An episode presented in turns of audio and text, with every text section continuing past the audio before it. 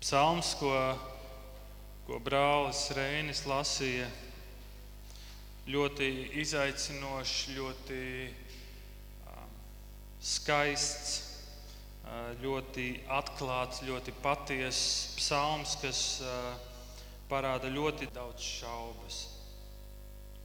Bet tas, kā psalms sākas, šis, šis vīrs Asāfs ir vīrs, kurš kalpo dievam, kurš ir nodevies dieva kalpošanai, viens no priesteriem. Un, un viņš saka, ka Dievs ir labs pret savu tautu.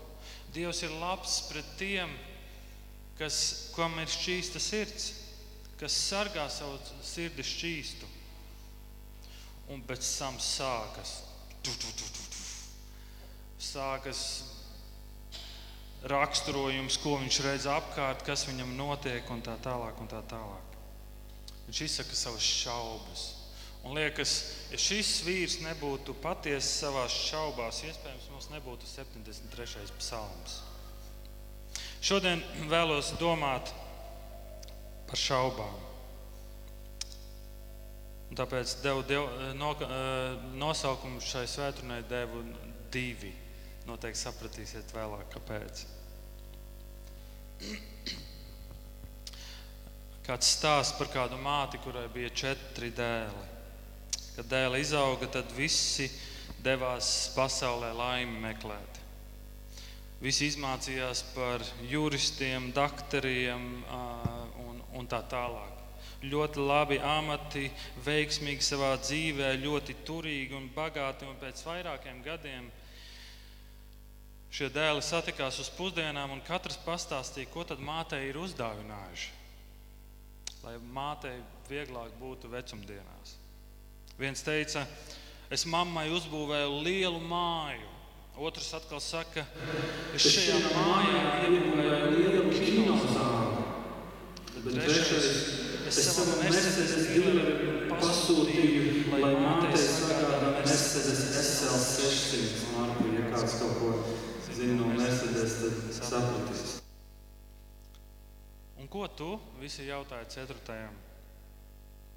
Un šis dēls atbildēja, vai atcerieties, cik ļoti mammai patika, kad viņai priekšā lasīja Bībeli? Es savācu veselu komandu ar mācītājiem un skolotājiem, kas 12 gadu laikā ir iemācījuši papagailim no galvas Bībeli. Un, kad mammai vajadzēs nolasīt kādu Bībeles pantu, tad viņai tikai jānosauc raksturvieta, un papagailis viņai to nolasīs. 12 gadu laikā tūkstošiem dolāru ieguldīt, vai, vai eiro, vai vienalga. Bet lai mammai sagatavotu šo īpašo dāvanu. Pēc kāda laika katrs no dēliem saņēma no mātes vēstuli ar pateicībām. Pirmajam viņa rakstīja, Dēls māja, ko tu man uzbūvēji, ir tik liela, ar tik daudzām skaistām istabām, ka es tās visas nemaz nespēju izmantot. Un, māja ir, un mājā ir tik daudz ko tīrīt. Es pati dzīvoju tikai vienā istabā, bet paldies par šo centību. Savukārt otrajam māte raksta, paldies par kino zāli mājā. Tā ir tik grandioza, tajā var ietilpt 50 cilvēki un e, ekrāna, ekrāns iziet no grīdas, un tā ekrāna kvalitāte ir tik, labi, tik laba, bet visi mani draugi ir miruši un nav kam nākt. Un es pat esmu kurla un švaki redzu, bet paldies par tavu centību. Paldies par tavu labo žestu. Trešajā māte raksta, paldies par jauno auto un skaisto auto. Bet tā kā pēc dārziņiem es pati vairs nebraucu, tad arī auto stāv neizmantojams bet paldies par šo skaisto un labo žestu. Un ceturtajam dēlam māte rakstīja, dēls, tu biji vienīgais, kurš iedomājies par mani kaut vai par tik nelielu un īpašu lietu. Tā vista, ko tu man uzdāvināji, bija tik garšīga. Paldies, tev liels! Paldies, tev liels! Kas ir šī stāsta morāli? Kad mēs dāvinām dāvanas, mēs reizēm piedomājam pie praktiskā pielietojuma, kā šī dāvana palīdzēs vai kā šī dāvana praktiski cilvēkam noderēs. Bet, kad mēs sastopamies ar šaubām, ir svarīgi, ka mēs cenšamies apzināties, kāda veida atbilde mums tajā brīdī ir nepieciešama. Kas ir tās atbildes, kas palīdzēs tikt galā ar šaubām? Ne visas atbildes var iederēties tajā situācijā, kurā atrodamies. Mēs visi sastopamies ar šaubām. Kāds vīrs, dieva vīrs, kurš ir piedzimis otrā pasaules kara laikā Ķīnā un piedzīvojis tik eh, daudz uh, traģēdiju savā ģimenē. Un uh, Os Gines, vairāku grāmatu autors, un uh, viņš raksta šādus vārdus: Šaubas ir cilvēciskas un universālas. Šaubas ir cilvēciskas un universālas. Tas, ka mēs sastopamies ar šaubām, tā ir daļa no mūsu dzīves, tā ir dzīves realitāte. Visi sastopas ar šaubām. Gan ticīgie, gan neticīgie, gan reliģiozie, gan ateisti, gan agnostiķi un, un sauciet tik vēl. Visi mēs sastopamies ar šaubām. Un tāpēc ir tikai loģiski, ka mēs uzdodam jautājumus, kāds ir Dievs, kā es viņu varu pazīt, kas ir dzīves jēga, pa kuru ceļu man doties. Un ir šie visi tik daudzie jautājumi. Un mēs šaubamies, nevienmēr mēs šaubamies tāpēc, ka mēs esam mazāk garīgi kā visi pārējie. Tu un es, mēs sastopamies ar šaubām, jo tu esi cilvēks. Ja mēs apslāpējam, ja mēs ignorējam šaubas, ja mēs ignorējam tos jautājumus, kurus mēs sākam uzdot, kas mums neliek mieru, tas ļoti var ietekmēt mūsu dzīvi ar Dievu, mūsu staigāšanu ar Dievu. Ja mēs ignorējam fundamentālus un svarīgākos jautājumus mūsu dzīvē, tas nepalīdz augt mūsu ticībai. Tas nepalīdz mūsu garīgajai izaugsmai.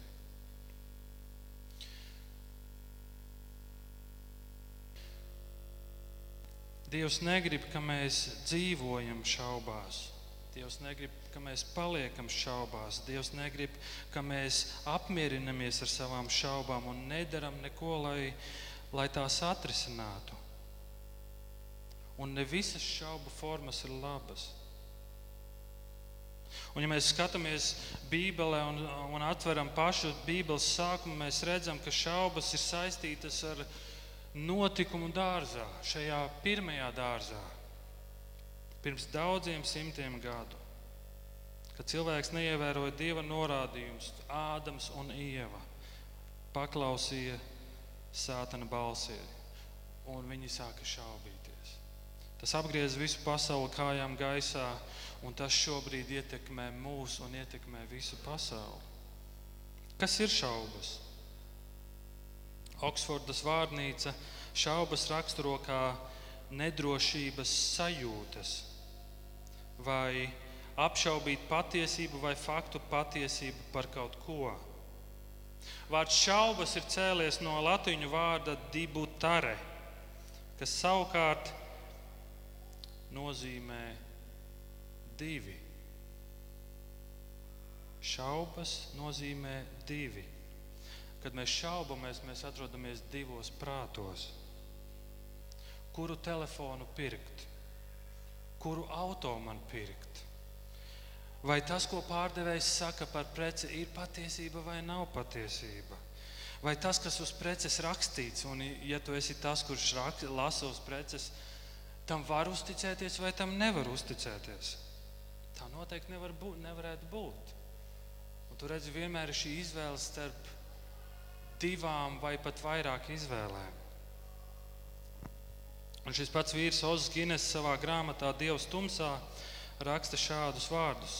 Šis divkāršais vai dubultais stāvoklis ir šaubu sirds un visdziļākā dilema, ko tā rada.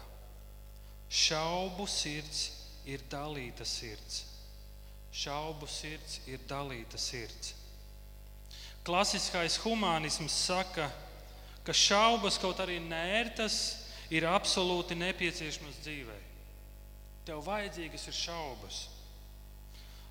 Atkal cits, cits vīrs, matemātiķis, filozofs un domātājs Renē Deskartē saka šādus vārdus.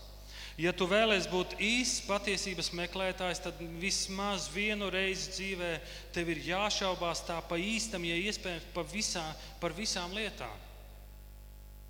Tev jāšaubās vismaz vienreiz dzīvē par visām lietām, saka šis domātājs.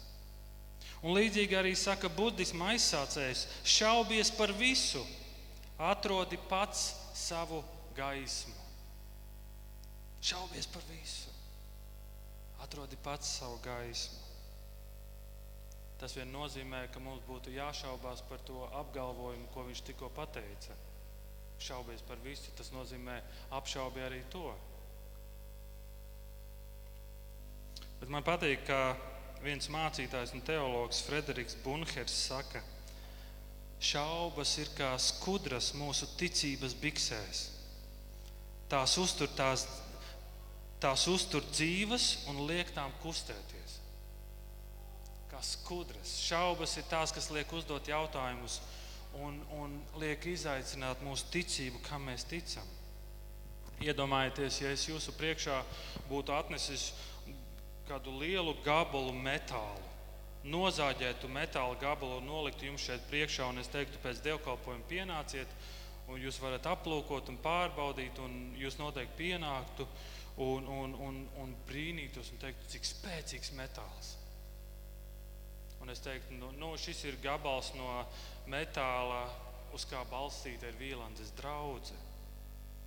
Un tu teiktu, mēs šeit sēžam droši, jo mēs sēžam uz droša metāla. Tad, kad mēs sākam kaut ko pētīt, mēs uzzinām metāla sastāvu, mēs varam pieskarties, mēs varam redzēt, cik tas ir spēcīgs tas mūsu ticību dara stiprāku, vai ne? Bet, ja es jūsu priekšā noliktu atnestu dēli, kurš ir desmit gadus vecs, izturējis lietus un sausumus, un tur būtu uh, sūnas virsū un visādi jocīgi kukaiņš rāpot, un es teiktu, aplūkojiet. Un šādiem dēļiem Vīlanda balstās. Iespējams, jūs ātri iziet no šīs zāles, jo domājat, es negribu iekrist iekšā jo es uz šī dēļa nekāptu. Kad mēs iepazīstam objektu, tās sastāv īpašības, tas vai nu rada lielāku pārliecību vai uzticību, vai tieši otrādi lielākas šaubas. Bībele rāda, ka šaubas ir arī sātana instruments. Ar tām viņš cenšas izšaubīt katru dievu likumu un apsolījumu. Pirmā mūzes trešā nodaļā mēs, rasa, mēs redzam, kur Bībelē parādās šaubas. Kā Sātans kārdina ievu jautādams, vai tiešām Dievs tā ir teicis, vai tiešām jūs mirsiet, vai tiešām tā būs. Un, šo, un šodien mēs redzam, šīs šaubas, šie jautājumi ir izkaisīti visā pasaulē, kur tiek teikts, vai tiešām Dievs vēlreiz nāks vai tiešām būs lielā tiesas diena, vai tiešām pēc šīs dzīves ir vēl viena dzīve, un šie jautājumi ir visapkārt. Vai tiešām? Un tu sāc ieklausīties, un tu sāc šaubīties. Bet visu vainu mēs nevaram uzvelt vien sātanam. Arī mēs paši esam atbildīgi par savām šaubām. Jaunajā derībā mēs lasām par Cahariju, pie kura atnāca eņģelis un pasludināja prieka ziņu tev būs dēls. Iespējams, viņš ar savu sievu ir lūguši vairākus gadus pēc tā, lai mums būtu bērniņš. Un atnāk eņģelis, un viņš saka, jums piedzims bērns. Bet Caharija šaubījās. Lūkas 1. nodaļa, 18. pants. Viņš šaubījās par to, ka Dievs tiešām tādā veidā varētu iejaukties fizioloģiski iejaukties un, un kaut ko mainīt. Un tiešām mēs abi esam veci, kāds bērns. Un viņš palika mēms. Bībelē mēs redzam ļoti daudzus cilvēkus, kuri sastopas ar šaubām. Mūzus vispār bija tāds apšaubāms tipiņš. Viņš pats ar savām šaubām, šaubām par sevi, šaubām par, par, par aicinājumu, viņš pats sadusmoja Dievu. Dieva tautas ķēniņi sastapās ar šaubām, un viens no tiem ir Dāvids, ķēniņš Dāvids, un viņš ir viens no lielākās daļas psalmu autoriem. Mēs lasām, ka psalmi ir pilni ar šaubām, ar saucieniem uz Dievu. Dievs, kur tu esi? Kāpēc tu esi mani atstājis? Un Dievs visi man glūna virsū. Un, un šie daudzie jautājumi un jautājumi un jautājumi. Tu redzi, Bībele ir pilna ar šaubām, ar saucieniem, ar jautājumiem.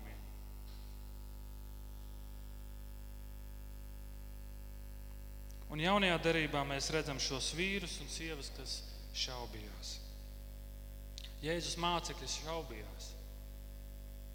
Kad viņi bija jūrā ar Jēzu, kad sacēlās vēzru, jūs atceraties, viņi kliedza, Jēzu, mēs tulīt grimsim, un Jēzus pieceļās un nomierina jūru.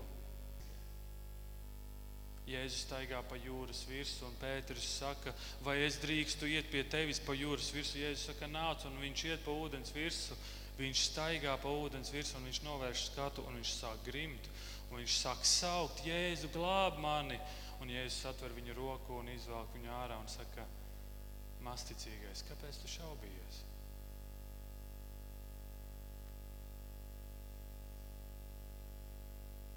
Ak, tu masticīgais, Mateja 14. Kāpēc tu šaubījies? Mācītājs Tims Kellers raksta šādi viņš, eh, par šaubām. Es teiktu, ka ir divu veidu šaubas, viņš saka.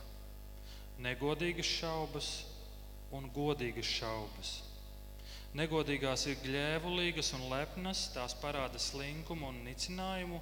Negodīgas šaubas saka, kas par traku domu, un pēc tam vienkārši aiziet projām. Negodīgas šaubas saka, tas nav iespējams, vai cik tas ir muļķīgi. Un šie ir tie argumenti. Negodīgas šaubas ir veids, kā izvairīties no smaga domāšanas darba, viņš saka. Bet tieši pretēji ir ar godīgām šaubām. Tās ir pazemīgas, jo tās liek tev uzdot jautājumus, nevis vienkārši palikt, pielikt priekšā sienu. Un, kad tu uzdod īstu jautājumu, tas kaut kādā veidā, veidā liek justies vājam un ievainojamam. Patiesas šaubas ir atvērtas ticībai. Patiesas šaubas ir atvērtas ticībai. Un tad, kad mēs skatāmies uz savu dzīvi, mēs redzam, ka šaubas nav viena vai otra. Tas, tas reizēm var būt kaut kas ļoti sarežģīts. Ir tik daudzas lietas, kas mūs ietekmē. Tas var būt nogurums, tas var būt stress tavā dzīvē. Tu esi pārstrādājies, tev ir pārāk daudz. Un tu vari sākt šaubīties un uzdot visādus jautājumus. Tas var būt tavas morālās izvēles jautājums, tie, jau, tie, tie lēmumi, ko, morāles lēmumi, ko tu pieņem savā dzīvē, kas nav saskaņā ar Dieva vārdu, un tu pārkāp un tu neievēro Dieva likumu, tas var būt, tās var būt sekas šaubām.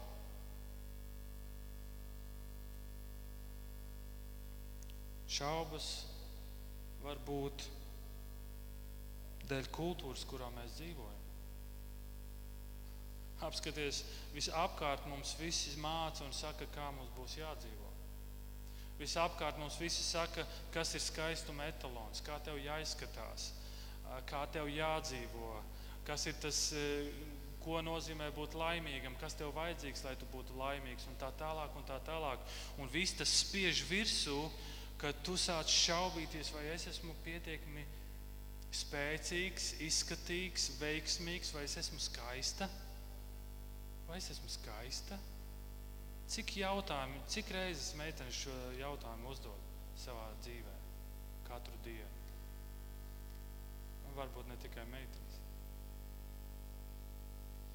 Tas var būt neveiksmīgu, sāpīgu attiecību rezultāts. Tas būt, var būt sastapšanās ar traģēdiju. Tie var būt draugi, kad tu sāc uzdot šos jautājumus.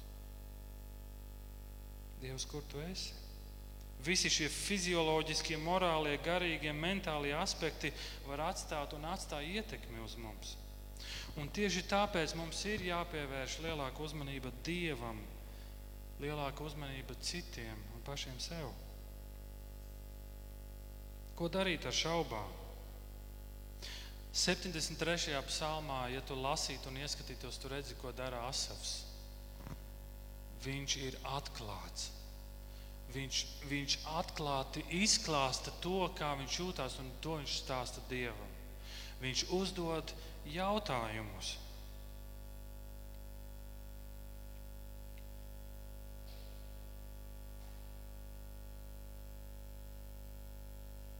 Trīspadsmitajā pantā viņš pat vienā brīdī saka, vēlties šķīstīju sirdi un nevainībā mazgāju rokas. Vai velti? Es skatos, kā visi pārējie dzīvo, un kā es cenšos ievērot Dieva likumu, es cenšos Dievam kalpot un dzīvot saskaņā ar Viņa vārdu, ar Viņu gribu. Bet es skatos, kā visa pasaule dzīvo. Viņiem labi iet, viņi dzīvo bez, bez rūpēm. Viens, es cenšos savu dzīvi, savu biznesu, savu darbu darīt godīgi, bet apskaties, visi apkārt dara negodīgi, un viņiem iet labi. Viņi kaut kā izsprūgt cauri.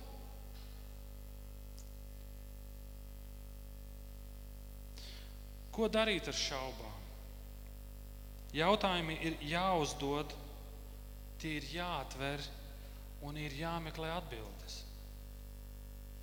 Neapslāpē tos jautājumus, kas ir tevī. Labs ārsts pirms tiek izrakstītas zāles. Jūs zināt, ko dara labs doktors? Viņš jautā jautājumus. Ārsts uzdod visādus jautājumus. Vai tu esi sastapies ar šīm sāpēm iepriekš?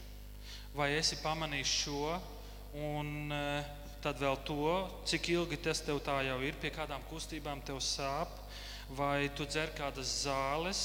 Reizēm doktors tev liek noņemt asins, eh, asins analīzes, nodot, un, lai apstiprinātu savu diagnozi, lai pārliecinātos par diagnozi.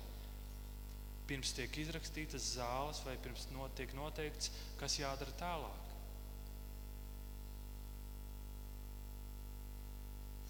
Jā, mēs sastopamies ar šaubām.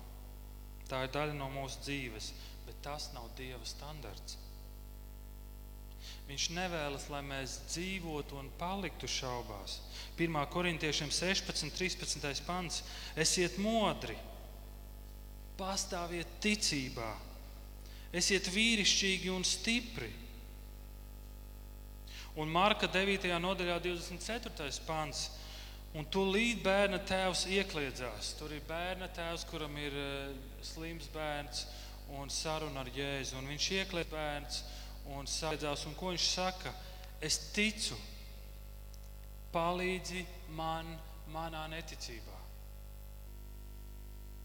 Palīdzi man manā neticībā.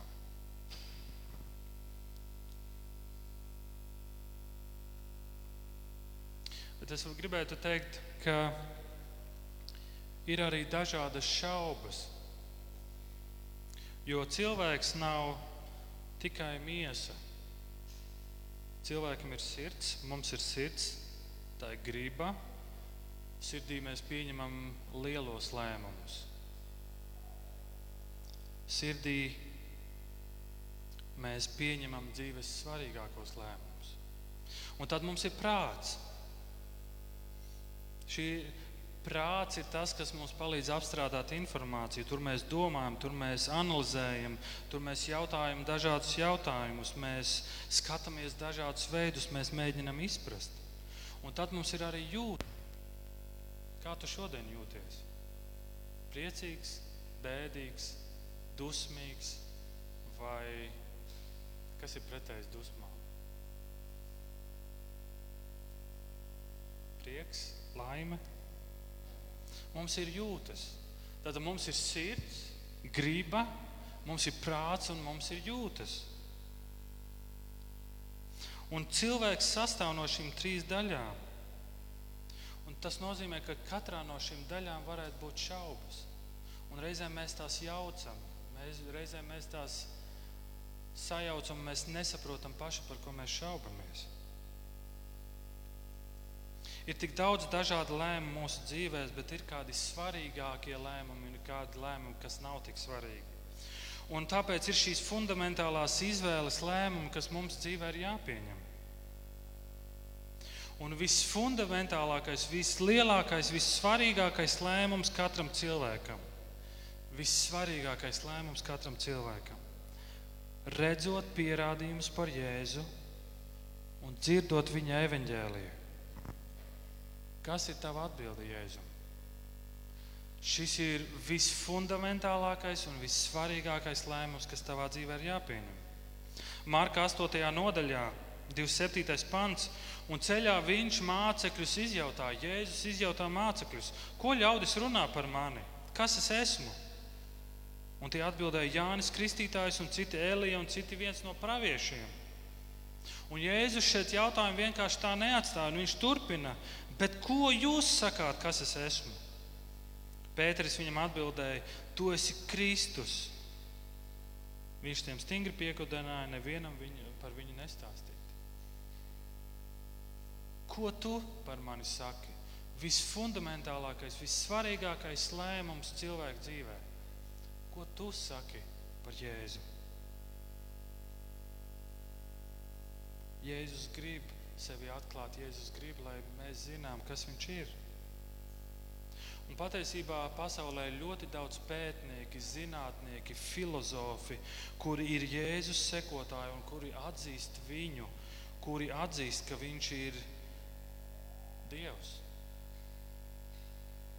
Atpazīstams angļu rakstnieks H.G. Wells. Viņš saka šādus vārdus par Jēzu. Dominējošākā persona vēsturē dominējošākā persona vēsturē. To saka viens no pazīstamākajiem angļu rakstniekiem. Vēsturnieks Filips Šafs raksta šādus vārdus. Jēzus bez naudas un ieročiem iekaroja vairāk miljonu nekā Aleksandrs, Cēzars, Muhameds un Napoleons kopā.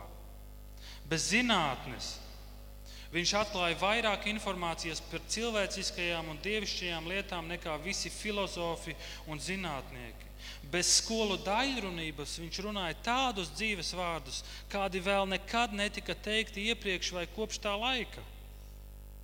Neuzrakstot vienu rindu, viņš uzsāka kustību ar vairākām pildspalvām un mēbelēja tēmas vairākiem sprediķiem, runām, diskusijām, mākslas darbiem un saldajām slavēšanas dziesmām nekā visa seno un mūsdienu lielo vīru armijas laikā.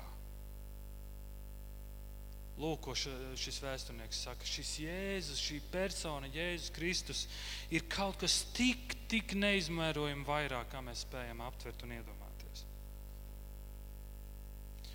Un mēs redzam, un mēs gājām Mateja uh, svētdienai cauri, un mēs redzam, kas ir farizēju atbilde. Un tā ir negatīva. Viņi noliedz. Šīs ir tās sirds šaubas. Un kas ir zāles šīm šaubām? Jēkaba 1. nodaļa, 5. līdz 6. pants.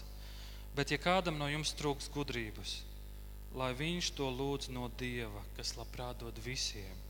Neko nepārmestams, un viņam tiks dots. Lai viņš lūdz ticībā, bez šaubīšanās, jo tas, kas šaubās, līdzinās vilnim jūrā, ko vējš svaida un dzenā. Beidz svārstīties, pastāvi tajā, kam tu tici. Pastāvi fundamentālajos jautājumos. Tici. Es atceros, kāds jaunietis eh, pirms vairākiem gadiem sāka nākt uz Vīlandi, un, un tad viņš arī pievienojās mazai grupiņai. Šis ir stāsts, ko es jau biju stāstījis. Un viņš pievienojas mazai grupai, un katru reizi viņš nāk, viņš sāk uzdot jautājumus. Un tie jautājumi sākumā bija tādi, wow, kas par jautājumiem, svaigi, tikko jauns, jauns cilvēks, kurš nāk un jautā par kristietību. Un pēc kāda laika ejot, es jūtu, viņš sāk ar vien vairāk uzdot šaubīgus jautājumus. Un es saku, klausies, no kurienes tev šie jautājumi? Šie ir labi jautājumi, bet no kurienes? Un, jo es jūtu, tur tu visu laiku jautā, bet ar tādu apšaubi visu, ko es saku. No kurienes tev tas ir? Viņš saka, nu, zin kā, es tur tiekos ar kādu citu uh, džeku, kuru arī sauc Raimonds. Cīņa starp diviem Raimondiem un viņš ir Jehovas liecinieks. Bet tad, kad viņš runā, viņš runā ar tādiem grieķu tekstiem un tādiem grieķu vārdiem, ka man vienkārši liekas, wow! Un es viņam saku, klausies, vai tu vari norganizēt, un es tajā brīdī pat nebiju iedomājies, ko es daru. Es teicu, vai tu vari norganizēt, ka mēs satiekamies divi Raimondi un tu. Un viņš, un viņš mēģina vienreiz, šis otrs Raimonds atsakās. Pēc kāda laika viņš mēģina atkal, atsal, atkal atsakās, un trešo reizi šis Raimons piekrīt. Mēs tiekamies Vērmanas dārzā pie galdiņa, kur visi spēlē šahu vecajā onkulīši. Bet tajā brīdī tur neviens nebija. Mēs sēžam trietā, Un, un tad šis džeks uzsāk to sarunu, forši, ka jūs abi esat manā dzīvē, jūs uzdodat man jautājumus un liekat domāt, džu, džu, džu, džu, džu, džu, bet nu, un, un tad šis Raimons runā, un viņš, viņš runā gudri. Viņš lieto gudrus vārdus, grieķu vārdus, es klausos, un es domāju, ļoti dziļi ticīgs cilvēks, man pat nav, nav kur piesieties. Un tad es viņam uzdodu vienu jautājumu, ko tu domā par Jēzu Kristu? Viņš ir Dievs vai nē? Un šis jautājums pilnīgi izmainīja mūsu sarunas tēmu. Pilnīgi izmainīja sarunu, un šī saruna patiesībā drīz noslēdzās. Un pēc tam es šim jaunajam džekam, kuru, kurš ir ļoti liels meklētājs, es viņam teicu, ja tu gribi pārstāt šaubīties, jā, izklausīsies baigi, bet tev ir jāpārtrauc tikties ar šo Raimondu. Jo viss, ko viņš visu laiku tev saka, ir, ir šaubas par, par, par Dievu, par Dievu trīsvienību, par Jēzu Kristu un tā tālāk. Un tā tālāk. Un, un ziniet, ko viņš izdarīja? Viņš pārtrauca tikties ar to Raimondu. Un ziniet, kas pēc tam notika? Pēc kāda laika viņš pieņēma jēzu savā sirdī, un mums mēs šeit svinējām kristības. Tas bija kaut kas skaists. Bet, ja kādam no jums trūks gudrības, lūdz to no Dieva. Nāc pie Dieva.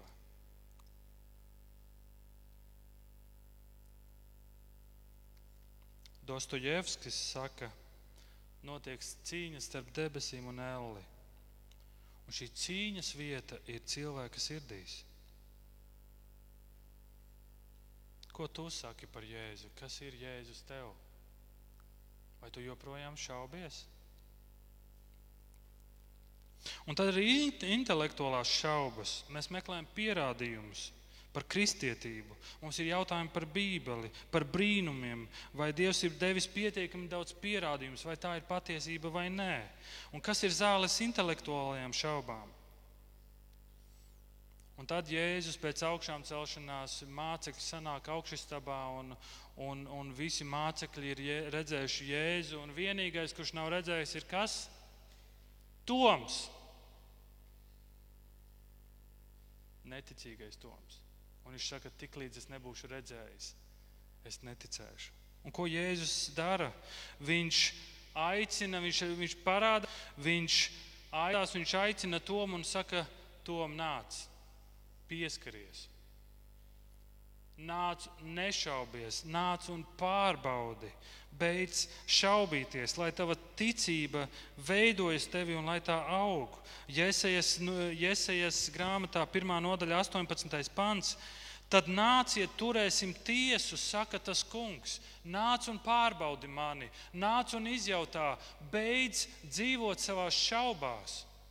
Beidz ignorēt tos jautājumus, kas ir tavā dzīvē. Sāc uzdot, sāc būt īsts un patiess un reāls. Un Dievs saka, nāc, turēsim tiesu un nāc uzdot jautājumus, pārbaudi mani. Vai es neesmu labs, vai es neesmu godīgs?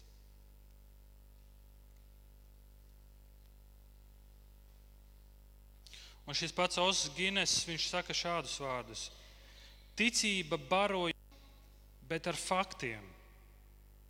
Tās instinkts ir iesakņoties patiesībā, nolaisties patiesībā, un tas atšķir ticību no fantāzijas, ticības priekšmetu no iztēles tēla. Tas vienmēr ir veids. Šāda veida šaubas apklusina fakti, atbild ar patiesību un pārliecina par sapratni. Patiesība ir vienīgā pietiekamā atbilde, ko ticība var dot šāda veida šaubām, jo ticība ir lietas patiesība, lietas fakti, tā cietais pamats. Dziļi jautājumi prasa dziļu izpēti. Ja tev ir intelektuālās šaubas, meklē, jautā, atrod šīs atbildes. Nepaliec vienkārši ar šiem jautājumiem. Nē, esi tāds kā vēja pūsts, kā jēga vēstulē rakstīts. Zini, kas ir, kad tu esi tāds vēja pūsts šurpu turpu?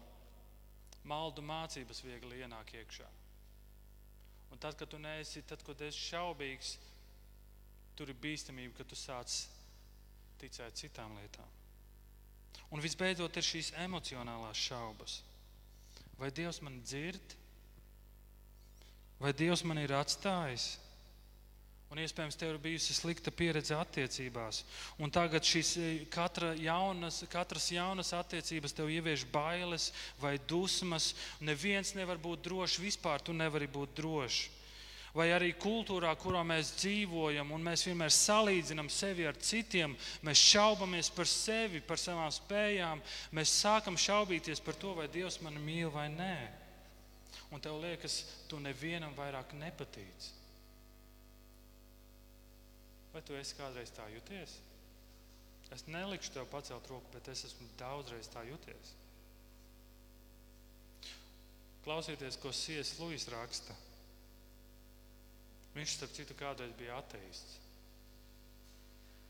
Un viņš saka šādus vārdus: Es domāju, ka nepatikšanas manī nepatikšana manī ir ticības trūkums.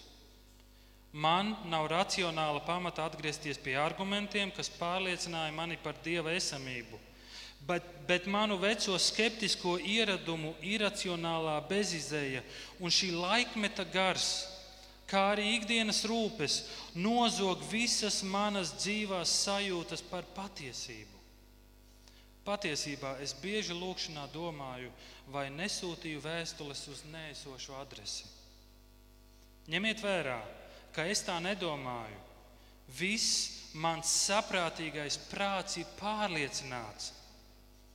Viss mans saprātīgais prāts ir pārliecināts, bet es bieži tā jūtos. Mans prāts ir pārliecināts, bet es bieži vien tā jūtos.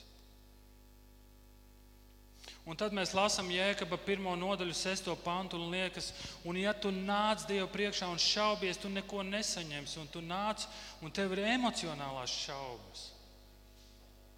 Vai Jēkabs runā par emocionālajām šaubām? Jūdas vēstulē 22. pāns, tur ir tikai viena nodaļa. Tur ir rakstīts, esiet žēlīgi pret tiem, kas šaubās. Esiet žēlīgi pret tiem, kas šaubās. Un kas ir zāles pret emocionālajām šaubām? Pirmā ķēniņa 19. nodaļa, 7. pāns stāsta par Eliju, kurš izdarīja tik lielus darbus, un vienā brīdī viņš nolien, viņš ir nobijies, viņš ir, kādi saka, viņš ir depresijā, viņš ir šaubās. Un atnāk eņģelis pie viņa, un ko eņģelis dara? Viņš atnes ēdienu. Ņem, pāriet, atpūties. Reizēm, kad mums emocionālās šaubas ir, reizēm atbildes, ko mums cilvēki dod, neder. Mums vajag atpūsties, mums vajag sarunas, mums vajag draugu, mums vajag draugus, mums vajag sportu, un mums vajag iespējams pareizi ēst, vajag vairāk rūpēties arī par savu miesu.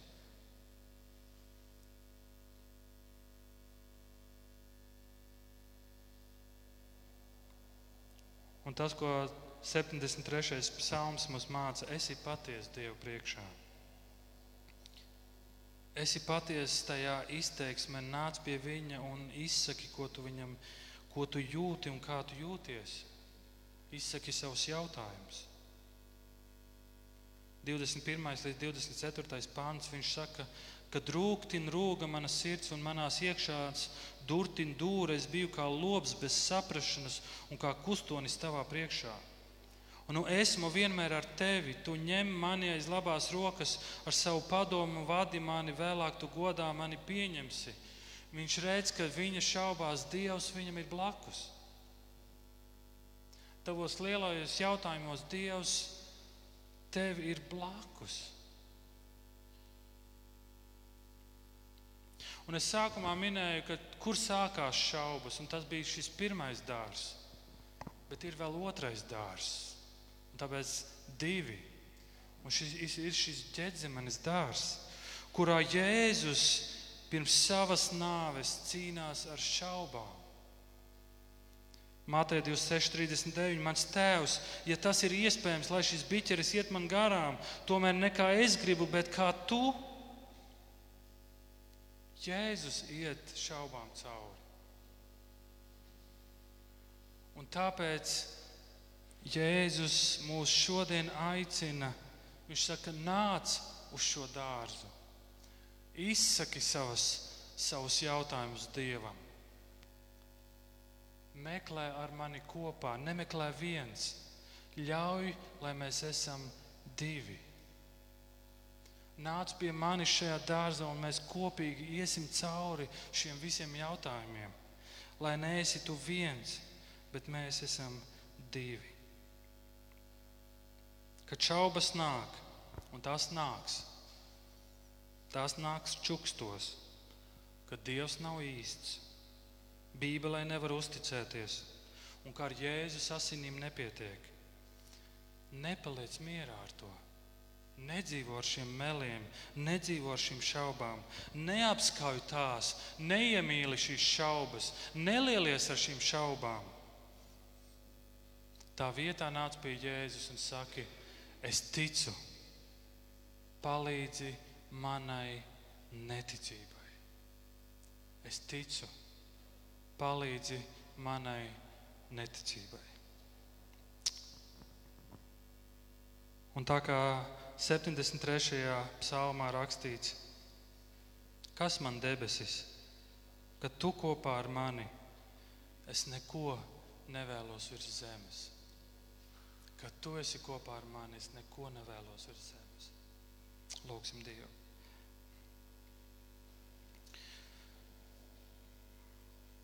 Mīļais, Jēzu, paldies Tev par eh, šodienas dievkalpojumu, ka mēs kā draugi varam nākt kopā un eh, domāt par šo dzīves realitāti mūsu dzīvē, par šaubām.